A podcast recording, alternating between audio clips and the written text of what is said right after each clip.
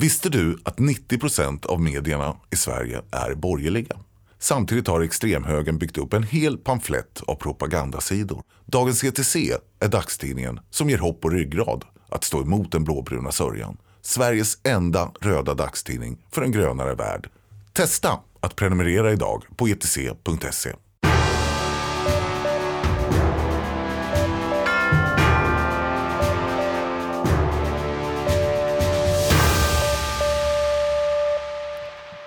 Hej och varmt välkomna till Tyckpressen eh, och ett litet speciellt eh, avsnitt. Tyckpressen är Dagens ETCs ledarpodd där vi tillsammans med inbjudna gäster pratar om vad som är eh, bra och dåligt, rätt och riktigt och framförallt då kanske vad som är bra och ibland kul politik, typ. Jag som programledare heter Max Karlsson, jag är ledarskribent på Dagens ETC. Och med mig idag har jag från ledarsidan Göran Greider, hej! Hejsan, hallå! Och Mimmi Björnsdotter Grönqvist, eh, ledarskribent på Liberala nyhetsbyrån. Varmt välkommen! Hallå! Hur är läget? Det är bara bra. Det är väldigt kul att få vara tillbaka. Ja, ni är ju båda returning champions. Det känns så himla kul. Jag har sagt det till, eh, till min redaktör eh, Andreas, han, han lyssnar nu, men vi kanske borde så här, mynta någon form av eh, mynt som man kan få när man kommer tillbaka. Liksom, sån här, eh, challenge coins eller, eller någon utmärkelse i alla fall. Eh, just nu leder Greider ligan faktiskt. Eh, det här är... Ja, men alltså, du ska kalla det för gengångare. Det, det är ändå temat här. just det, det är väldigt sant. mm. och, och där är, det är ju det som då är, eh, temat. För att ämnet idag är nämligen något som jag har valt att kalla halloween-politik. Jag ska förklara lite vad jag menar. Um, jag ville göra det här avsnittet för att först så läste jag en väldigt, väldigt, väldigt intressant um, uh, uh, genomgång egentligen. Det var inte en artikel, det var några som uh, frifräste på Twitter. Men eh, om det, varför det var så att Eh, en hel del som gillar halloween som högtid inte gillar andra högtider. De försökte tänka så här, vad, vad finns det då som är en, en rätt stor skiljelinje i alla fall i ja, men både svenska och, och västerländska högtider och sådär. Och då sa de att det är en av de eh, eh högtiderna som inte fokuserar på familjen som inte liksom helt cirkulerar runt familjen. Utan att du kan vara Eh, liksom göra det lite själv. Du kan göra det lite knasigt. Ehm, du behöver inte ha en stor familjemiddag där man eh, träffar släkt som kanske hatar en eller, eller eh, älskar en och, och att det liksom är det är inte bundet av den liksom, eh, ja, men kärngruppen eh, förut. Jag tyckte det var väldigt intressant, för jag älskar halloween. Eh, jag är en, en sån eh, eh, person och hemma hos mig har jag väldigt mycket halloween-prylar. Härom, förra året så målade vi blodiga stora röda kors på fönstret. Och, grannarna tycker väl att det är sådär kul, men jag älskar det. Ehm, och det är ju också så att skräck är ehm, rätt svenskt. Alltså det finns massor av bra rysare i svensk kultur, poesi, tv, film, svenska tv-spel som är skräckbaserade. Um, vi bor eh, rent fysiskt då, i ett stundtals riktigt ruskigt land med långa mörka nätter, eh, vad man skulle kunna kalla läskiga trollskogar på sina platser. Eh, och i ett sånt här väder, liksom historiskt, har ju då sagor och myter och skräckhistorier egentligen frodats. Um, det här temat är inte helt främmande för politiken heller. Eh, både explicit och implicit. Eh, explicit som att det finns och, och, lever i det politiska språket. Kvinnor kan kallas häxor som invektiv, val beskrivs som rysare och spiket i kistan är en liksom vanlig liknelse som man använder.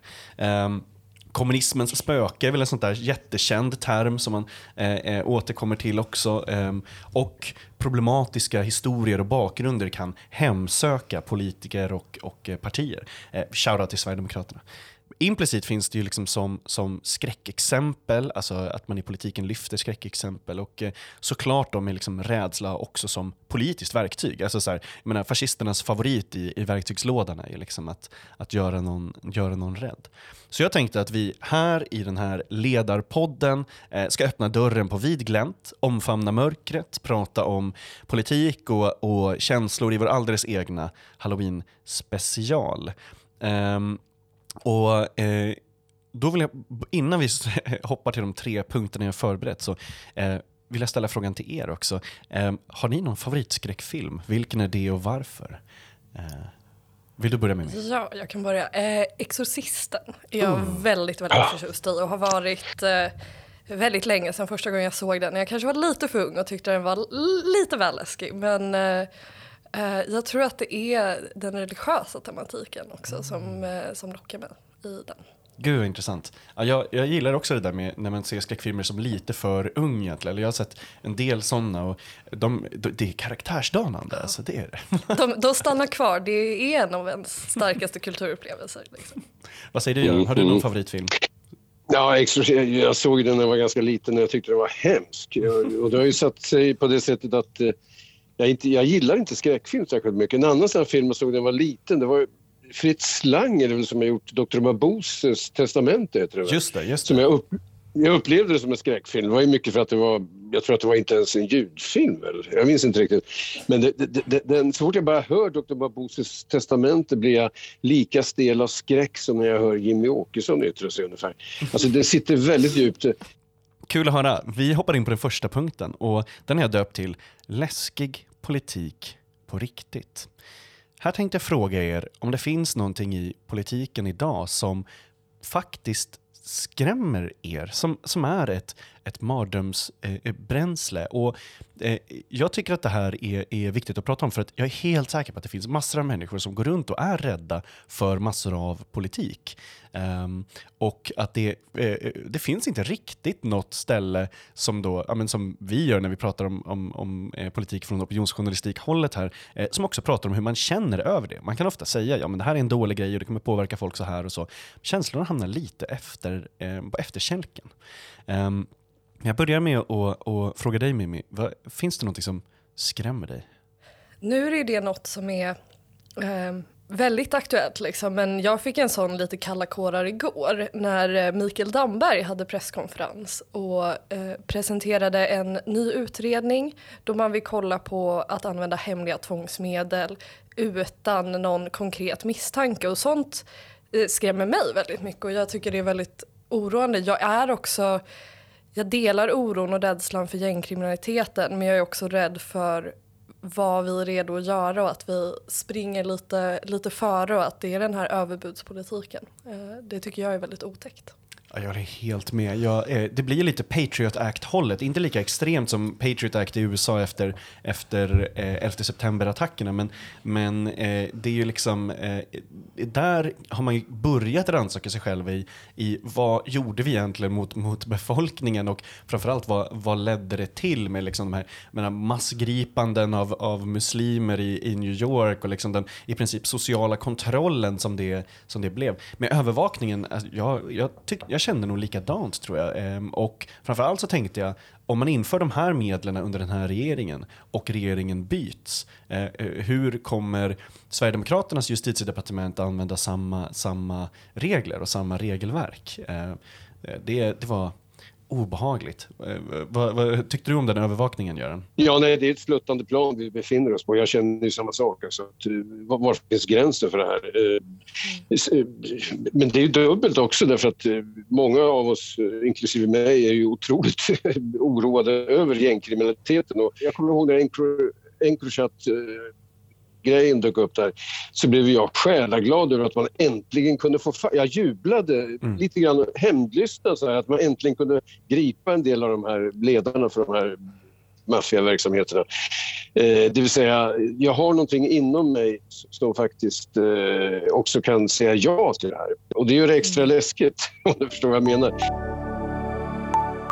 Vill du spara och samtidigt göra världen lite renare? Då har ETC tagit fram en lösning för dig. Vi har startat ETC Bygg för att få igång byggande av hyreshus utan vinstjakt, utan miljöförstöring och med lägre hyror. Spara direkt i husen till 2% ränta. Läs mer på etcbygg.se. Och vi vet ju också vilken enorm eh, press och vilken ond cirkel det har blivit här. Jag menar, vad en Mikael Damberg säger så kommer ju Moderaterna eller Sverigedemokraterna att bjuda över det här. Det finns ingen chans för dem att vinna det här slaget. Va? Om de andra sidan inte säger någonting utan inte vill genomföra något av det här så, så, så känner de ju att de kommer att förlora opinionspoäng på det. Alltså det är en jättesvår fråga, men jag tycker det är otroligt viktigt att eh, en massa människor varnar för vart det här kan leda. Alltså det, det, det är helt klart att det är på det sättet. Jag tror det, jag menar, den känslan, den, den rädslan över när man känner, ja men jag, eh, eh, jag kanske också vill ha det så här, eller jag ser delar av det här som, som viktigt och så. Det skyller jag också lite på politiken, för att den är ju på grund av att det är brist på, på andra alternativ. Alltså att, att man känner att det här är den enda vägen fram. Eh, men ja, det är, så, så är det ju. Men det är ju inte din mm. enskilda roll som medborgare att känna till och veta om de här alternativen, utan du, du agerar ju på det som presenteras för dig till stort, eller liksom i, det, i det stora. Eh, och om man då känner att nej men, det är inget alternativ att, att gå en annan, en annan väg än, än det här, då, då känner man ju liksom där, men minsta motståndets väg-grejen, men också, eh, eh, ja, men, ja, vad ska jag göra annars? Det finns ju ingenting annat. Eh, sen har det ju aldrig mm. någonsin varit sant i någon politisk fråga. Det finns alternativ. Ja. Nej, men vad jag skulle önska det, det är ju att, eh, i alla fall när de på den vänstra halvan av politiken lägger fram sina förslag, att de hade den goda smaken att också varna för de eventuella konsekvenserna. Att man faktiskt kan stå där och vara mm. Mikael Damberg och säga att det här, vi känner oss tvungna att göra det här, men vi tycker inte att det känns tryggt det heller. Förstår du vad jag menar? Att man, mm. att man som politiker vågar säga detta, att det här gör vi Eh, därför att vi är nödda och tvungna i så fall, eller en brasklappsprincipen här. Mm. Sen är det ju det att eh, alla förslag som liksom kommer därifrån behöver ju inte vara fel. Vi pratar ändå att vi kan ha den känslan att man kanske behöver göra vissa sådana här åtgärder liksom för att verkligen få fatt på gängen. Men då, jag skulle kunna önska ett annat sätt man lägger fram det på, en, annan, en helt annan liksom retorik, en, att se en motvilja. Jag skulle också gärna ha hört att Mikael Damberg prata om att det bara är fråga om en tillfällig lag, att det är det ja. man vill utreda. För så är ju den mm. hemliga mm, dataavläsningen och det är ju ett mycket rimligare sätt att göra att man måste förnya den med jämna mellanrum men då är det också tydligt att tanken är inte att det här ska vara permanent utan det här är bara en akut, akut krisåtgärd och sen ska den bort. Det där, det där tycker jag är väldigt viktigt att du säger. Alltså man önskar att det, varje gång det kommer något sånt här förslag så ska det ingå ett moratorium. Alltså vi ska hålla på i, låt säga fem år med det här, sen får vi ompröva det. Eh, det är ju jätteskönt för signalen också, för då, då, säger man egentligen också att det finns en värld efter. Det finns mm. ett samhälle efteråt. Eh, man säger inte nu ska vi bygga polisstat, utan man säger mm. nu måste vi ta reda på ett mm. problem som är mm. akut just nu. Liksom. Mm. Så det, för jag kan ju också ja, jag, känna, jag känna stor rädsla. Liksom. Jag, jag så här, mina föräldrar bor i Hammarby sjöstad. Liksom, så här, för en vecka sedan var jag i Prag liksom, och så här, nås av att det varit en skjutning i Hammarby sjöstad. Liksom, väldigt stort, väldigt uppmärksammat. Ja, för fan. Um, det, det, är ju en rädsla, liksom. det kommer jättenära, liksom, in, det känns in i märgen liksom, på en. Um, mm. Och det måste vi ju, liksom, ja, vi måste ju agera mot det. Men det, jag skulle också önska det från de liksom, liberala partierna. Jag tycker Liberalerna också är ute och liksom, slirar i de här frågorna på ett sätt som jag skäms över. Liksom. Jag ska fråga dig också Göran, vad är, vad är ditt mardrömsbränsle? Vad, är du, vad skrämmer dig i politiken? Alltså det, ja, det är ganska mycket det här med helt enkelt tillväxtidén, tillväxtparadigmet. Det är en väldigt abstrakt sak, alltså, men, men, det är ett spöke som vandrar genom alla regeringskorridorer överallt. Och det, minns, det känns också när man lyssnar på rapporter från Glasgow här. Jag hörde väl igår var det väl Boris Johnson pratade om att vi, domedagsstämning, vi måste, om vi inte ska gå under som romerska riket så måste vi göra någonting åt de här utsläppen och vi kan göra detta utan att tillväxten riskeras, la han till på sista raden där. Och det där är liksom det här kusliga mantrat här. Alltså. Och det är samma sak där. Alltså, jag är ju väldigt kluven där. Jag, menar, jag är en typisk keynesianskt fostrad person här som tycker att det är bra med stora statliga investeringar och ja, privata också för den delen, eh, som får fart på ekonomin. Samtidigt som jag vet att alla de där investeringarna förmodligen bidrar till att sabotera biosfären. Mm. Och det är till och med så att de här idéerna om grön tillväxt som kräver alltifrån höghastighetståg och stora ledningar över hela landet. Det där utplånar arter helt enkelt. Alltså, om man verkligen tar det här på allvar så, så, jag kan känna det här att vi måste ha den här tillvä gröna tillväxten för att kunna lösa oss ut från fossilsamhället. Samtidigt som jag vet att alla de här investeringarna i cementblock för vindkraftverk och så vidare utplånar biologisk mångfald, leder till utsläpp. Förstår ni vad jag menar? Alltså det, mm, det, Alltså jag går i tusen bitar varje gång jag tänker på det här. Tillväxt är en sån där, ett sånt där ord som fyller mig både med fasa och med hopp. Tycker du tillväxt är lika växt, äh, läskigt, Mimmi? Eh, jag är, nu kommer ju då högspöket såklart och är kanske inte lika, lika rädd och lika oroad för tillväxt och eh, lyfter gärna mer Johan Norberg-perspektivet. Att vi har blivit rikare och vi har blivit lyckligare och eh, mycket av det vi lever och liksom inte vill byta bort är ett resultat av tillväxt. Liksom. Sen, sen såklart att jag ser ju absolut att vi kan inte fortsätta som vi gör. Vi kan inte fortsätta bränna fossila bränslen. Det kommer inte fungera. Det, det är liksom en ovana vi måste sluta med. Um, då är ju frågan liksom vad, uh, vad ska vi ha istället? Jag är nog ganska hoppfull liksom, inför grön tillväxt. Uh, det är en stor utmaning. Det tycker jag är bland det värsta dock när man pratar grön tillväxt, att det lätt blir som att ah, men det är bara lätt, vi bara har grön tillväxt istället. Det är också en jättestor utmaning. Det är jättemycket som krävs, som ska, ta till, ska till. Liksom det är, ja, men, tillverkning av massa grejer. Det är så här ett, en hel omställning för ja, men liksom företag, för hela, hela vårt samhälle. Liksom också. Det kommer behövas eh, förändringar i hur vi lever. Mm. Men eh, jag, eh, för mig är det liksom inte så här, det är inte frånkopplat tillväxt. Liksom. Det, det är det. Jag eh, jag har nog svårt liksom, att se den nerväxt uh, också när man pratar om det liksom, och lockas av det. Det var ju bara något år sedan här, den här rapporten om, om att vi har kanske en situation där en miljon arter står på tur att utrotas här inom uh, ganska kort tid. Alltså. Mm. Och det här har att göra med att vi breder ut oss på alla tänkbara sätt i biosfären som art. Alltså. Och, och det där Ja, nej, men grönt blir en täckmantel för ja. skadlig politik där också. Jag, jag såg ett sånt exempel, apropå, jag, jag hatar vapen och jag tycker liksom det är läskigt, jag är antimilitarist och sådär. Men, men jag såg en reklam ja. för eh, nya ekologiska kulor som eh, eh, vapenbolaget som Bofors har gör. Eh, och då är det, på reklambilden så är det en kula som viner över ett rapsfält. nej, ja. bara, oh. då ska man, Absurt. Och då ska, man, då ska man veta att rapsfält är en slags biologiska öknar. Ja men just det. det, det är till och med det. Alltså, men, men, jag tyckte ja. liksom, det såg ut som att pågen hade börjat göra liksom, eh, eh, ammunition ja, på eh, mm. bilden. Mm. Jag har ju ehm, Eh, en annan grej då, eh, men mitt liksom, mardrömsbränsle just nu då, det är det här att, eh, eh och lite det som, som du sa Mimmi med eh, eh tidsgränser och liksom en värld efter och sånt där. Det jag tycker är läskigast, det är hur svårt det just nu verkar vara att gå tillbaka när man har gjort någonting som är sämre. Alltså mm. när, när, man har gjort mm. en, en, förändring, hur, hur segt det verkar att, liksom, hur, hur, vilken kvicksand det är att gå tillbaka eh, eh, trots att det är någonting som kanske många är, är emot eller ser problemen med eller, eller något sånt där. Eh, och jag menar, ett exempel är väl liksom marknadsskolan, tycker jag, där så här, det finns en, en, en omfattande kritik men det verkar som liksom en riktig gigant som man måste dräpa. Mm. Liksom. Eh, eh, och sen att, att det, även de små förändringarna, så jag kan inte se hur man liksom ska gå tillbaka. Och då blir jag liksom väldigt, det tycker jag är väldigt oroande. Typ att vi har gjort massor av så här, ja, men, förändringar i eh, så här, arbetsrättslagstiftning till exempel.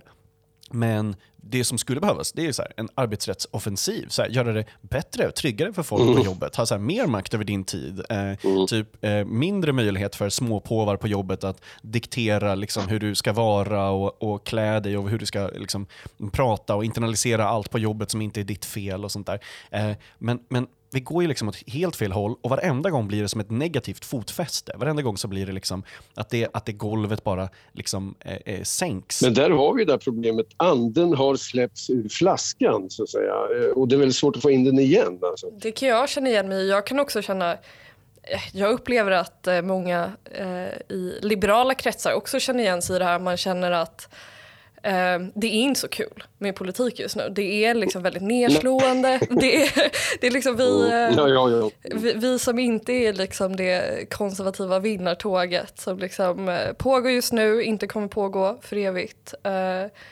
det är inte så roligt. Liksom. Det, mm. det blir mm. ofta mer, mer sorg än, än glädje. Liksom. Det leder mig bra in på den andra, det leder mig bra in på den andra punkten som jag tänkte att vi skulle prata om. Um, och det är ju eh, de odöda väsen som kan finnas i svensk politik. Och jag tycker att det finns flera sådana här liksom, eh, eh, produkter. Dels så finns det spöken Spöken är då frågor som spökar i bakgrunden. Och sen har vi då också en del liksom zombies och, och eh, eh lite troll också. Zombies är väl då till exempel Liberalerna eh, eh, som med, med sina eh, eh stadiga, vad är det nu, 16 mätningar under riksdagsspärren eller något sånt där, eh, är på väg åt ett, ja, ett rätt tydligt håll. Trollen då skulle till exempel kunna vara Bulletin, nu senast med en, en sverigedemokrat som liksom, eh, ville prata kulturpolitik och hämta det direkt från, eh, liksom explicit från nazisterna på 30-talet. Har du pengar på banken? ETC Sol investerar dina pengar i solceller, det vill säga framtiden. 2500 personer har sparat pengar och får nu 2% ränta. Vill du vara med? Läs mer om hur du sparar på etcsol.se.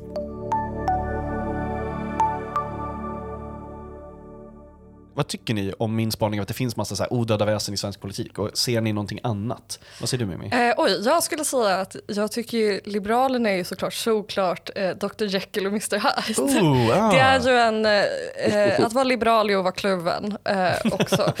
Eh, och det, det, det, finns ju den liksom kampen, där, som också är spännande för båda falangerna tycker ju såklart att det är de som är Dr Jekyll. Eh, men Dr Jekyll och Dr Jekyll. det, det, är lite så man ser sig själva men eh, eh, det är ju det är spännande vad, vad som sker där och man ska få ordning på skutan. Det börjar eh, rinna, rinna ut med tid. Det är ju landsmöte snart för Liberalerna Just. så det ska bli väldigt spännande att se mm. vilken mm. sida som vinner. Vad säger du om odöda väsen i, i, i, eh, Sven, i Sverige och i svensk politik? Göran? Ja, nej, men jag vill bara nämna först, jag kommer ihåg för något år, ett år, två år sedan före pandemin där så gick jag runt ett hörn i ett mediehus där och plötsligt stod jag en centimeter från Carl Bildt.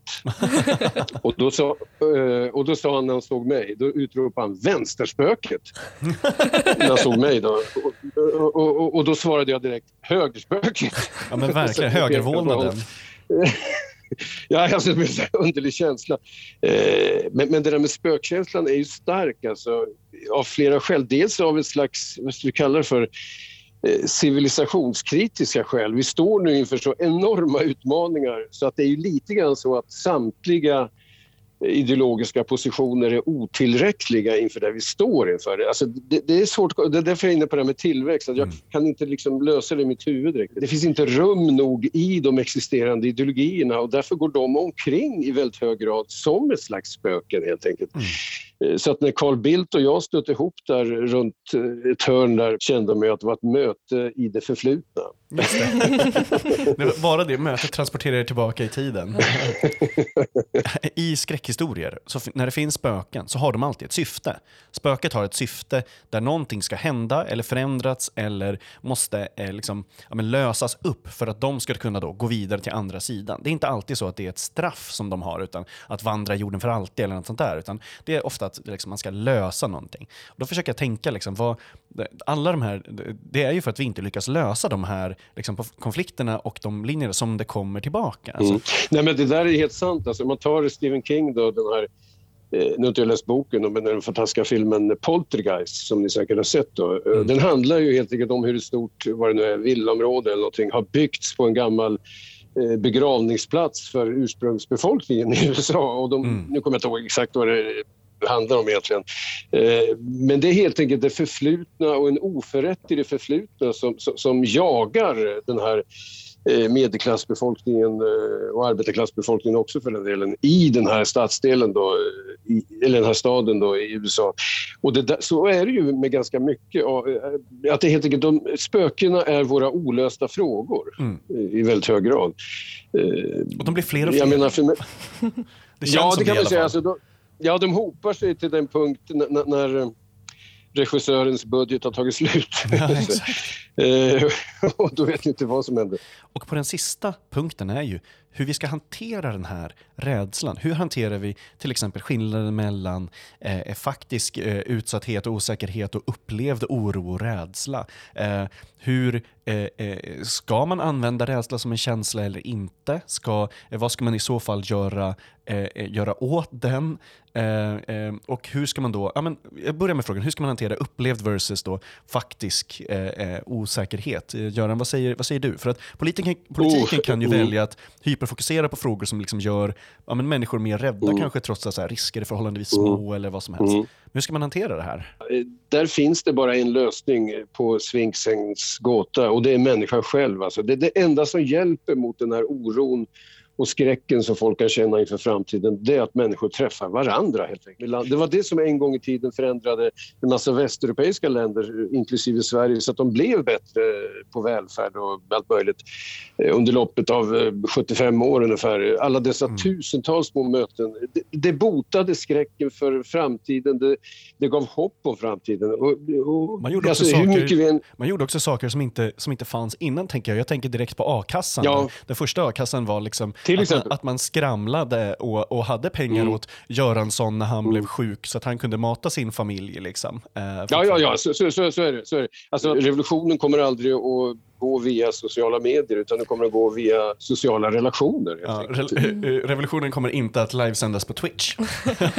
Nej, Va, nej. vad säger du Mimmi? Eh, det här är, du, du får också den lilla frågan hur man ska hantera liksom då, kanske skillnaden mellan upplevd och faktisk eh, utsatthet. Ja, nej men jag håller ju med om det här att så här, gå med i parti, gå med i ungdomsförbund, studentförbund, det finns liksom en hel värld där och jag kan ju känna att bland de liksom största och viktigaste samtal jag har haft är ju så här eh, LUF Storstockholms lokal där det är så här en vägg med alla gamla FPU slash LUF-ordföranden, så här Per Gahrton hänger upp och ner och så här, att det finns liksom en Wow, så wow. Mm. varm och liksom hjärtlig stämning som jag, så här, d- den finns liksom där, det är en kran som man kan, alltid kan skruva på och få en, en energi och en glädje ur. Ehm, men sen skulle jag också säga att liksom läsa och läsa Ja, läsa klassiker är en så här, ehm, alltså både liksom politiska texter, klassiker, men också litteraturens klassiker tycker jag är liksom en, eh, en så som ger en de större perspektiven liksom, och inte bara vara i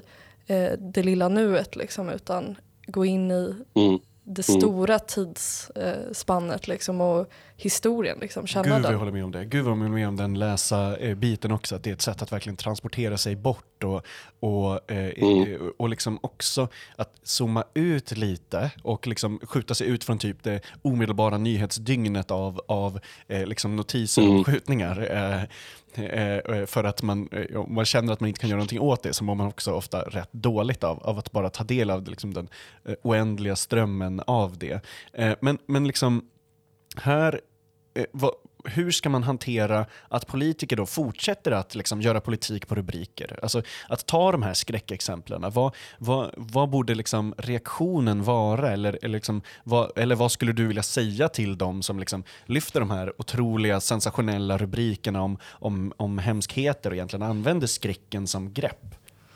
Vad säger du Mimmi? Mm, det är en så svår och stor fråga för jag tror att det finns ju en, en liksom medielogik som skapar det där som är svår att komma ifrån. Men dels, dels är det ju att så här, eh, att vi behöver inte gå med i det. Liksom. Man behöver inte följa det, man kan göra motstånd mot det.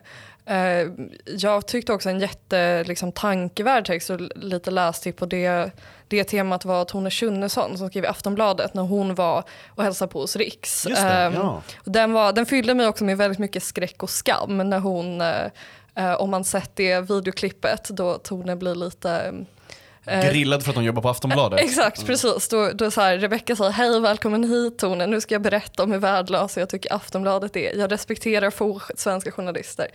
Eh, den eh, skammen och skräcken, men jag tyckte texten hon skrev om det var väldigt bra om rädslan som eh, drivkraft i politiken. Eh, den tror jag man ska akta sig för också, att göra rädslan till drivkraft. Jag tror att man kan, det är bra och viktigt att känna den, liksom, men man, man måste hitta bortom liksom, rädslan som drivkraft och hitta andra drivkrafter tillsammans. Annars blir det ju en, en liksom, att de måste göra det värre hela tiden. Det måste ju bygga på det. Vad säger du Göran? Ja, jag, vet inte, jag håller med mycket av det du sa där. Men eh, angående klassiker, en av mina idoler eller favoriter det är Harry Martinsson. eh, Ni vet han i Ara och alltihop. Eh, Han sa ju vid något tillfälle, Harry Martinsson, att det är vår plikt att känna skräck inför framtiden. Just det, just det, ja. Eh, och det ligger ju något i det. Alltså, vi, vi måste klara av detta, att hantera den skräck som kommer från de mest apokalyptiska framtidsscenarierna. För att de är reella, det kan verkligen gå riktigt illa. Samtidigt som vi måste sätta ner foten i, i den grästuva som Harry Martinsson ofta satte ner foten i. Alltså han, han såg det lilla, extremt lilla eh, som ägde rum varje dag eh, i miljardtals eh, varianter omkring och så här. Och, och hitta den där balansen däremellan. Och jag tror ju att, jag återvänder till det jag sa innan där, alltså att det är egentligen bara i möten mellan människor i ganska avspända sammanhang där man kan komma ifrån den där medielogiken som handlar om rubriksättningar och alltihop. Eh, därför att det går inte att sitta och vara braskande apokalyptisk på ett litet möte. Det blir ju löjligt helt enkelt. Utan där måste man, eh, jag menar det blir ju löjligt faktiskt. Ja, verkligen. Eh. Sitta på, sitta på liksom ett, ett partimöte och gorma som liksom bulletins rubriker. Liksom. Nej, det, det, det, blir, det blir, alla kommer ju titta på en som man är galen. Alltså. Ja, ja, precis. Därför, därför att människor när de möts, vi har eh, spegelneuroner i oss som gör att vi känner samhörighet eh, och så vidare. Och vi letar, efter vi letar alltid efter det gemensamma mellan människor, alltså, utan att vi vet om det. Om, om ni sitter på ett visst sätt där och jag, i, i studion och jag ser det så kommer jag snart mm. att sitta på samma sätt också. Alltså, och det där ska man inte underskatta. Alltså, vi har en benägenhet som art att eh, söka oss till det gemensamma. Och då har vi samtidigt en medieapparat som är enorm idag som snarare slår på det som är det olika, alltså det konfrontativa och så vidare. Eh, och där måste vi nog återgå till det som är vår arts bästa kännetecken, alltså att vi faktiskt vill i någon mening vara hyggliga mot varandra. Göra saker går. tillsammans. Ja, exakt. Så kan man säga. Och det, där, det är en enorm... Det är därför vi är svaga som individer. Men, men, eh, Charles Darwin, min favoritfilosof eh, eller tänkare, sa ju detta att det är vår svaghet som har gjort oss starka därför att vi är tvungna att samarbeta för att kunna klara av saker och ting. Eh, och det där är källan, tror jag, till hoppet. Alltså att vi mm. faktiskt inser det där. För, för om vi bara hamnar i den här medielogiken Ja, då, då, då, blir vi helt enkelt katatona till slut.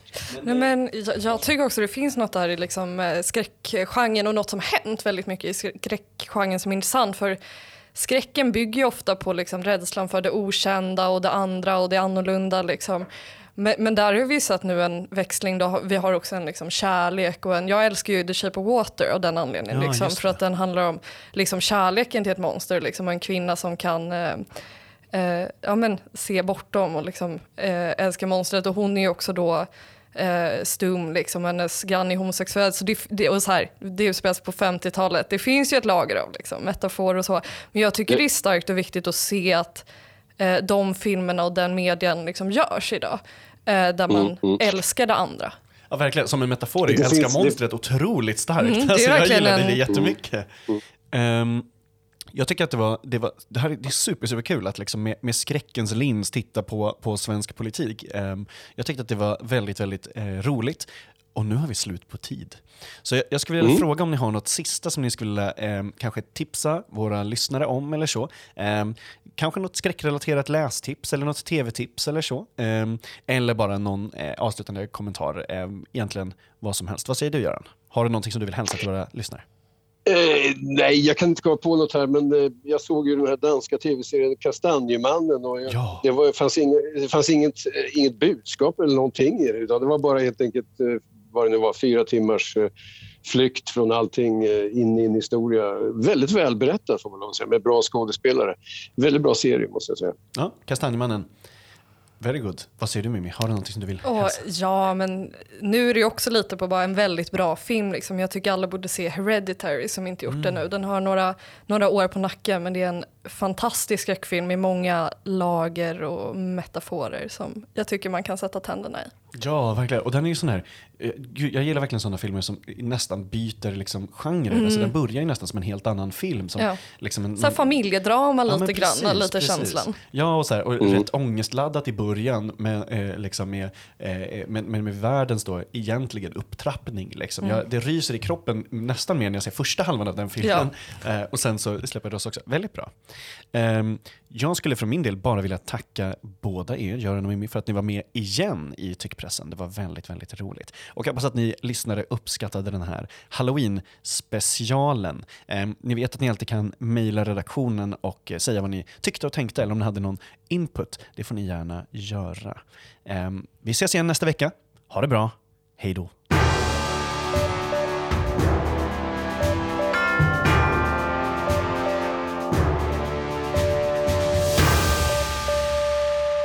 Visste du att 90% av medierna i Sverige är borgerliga?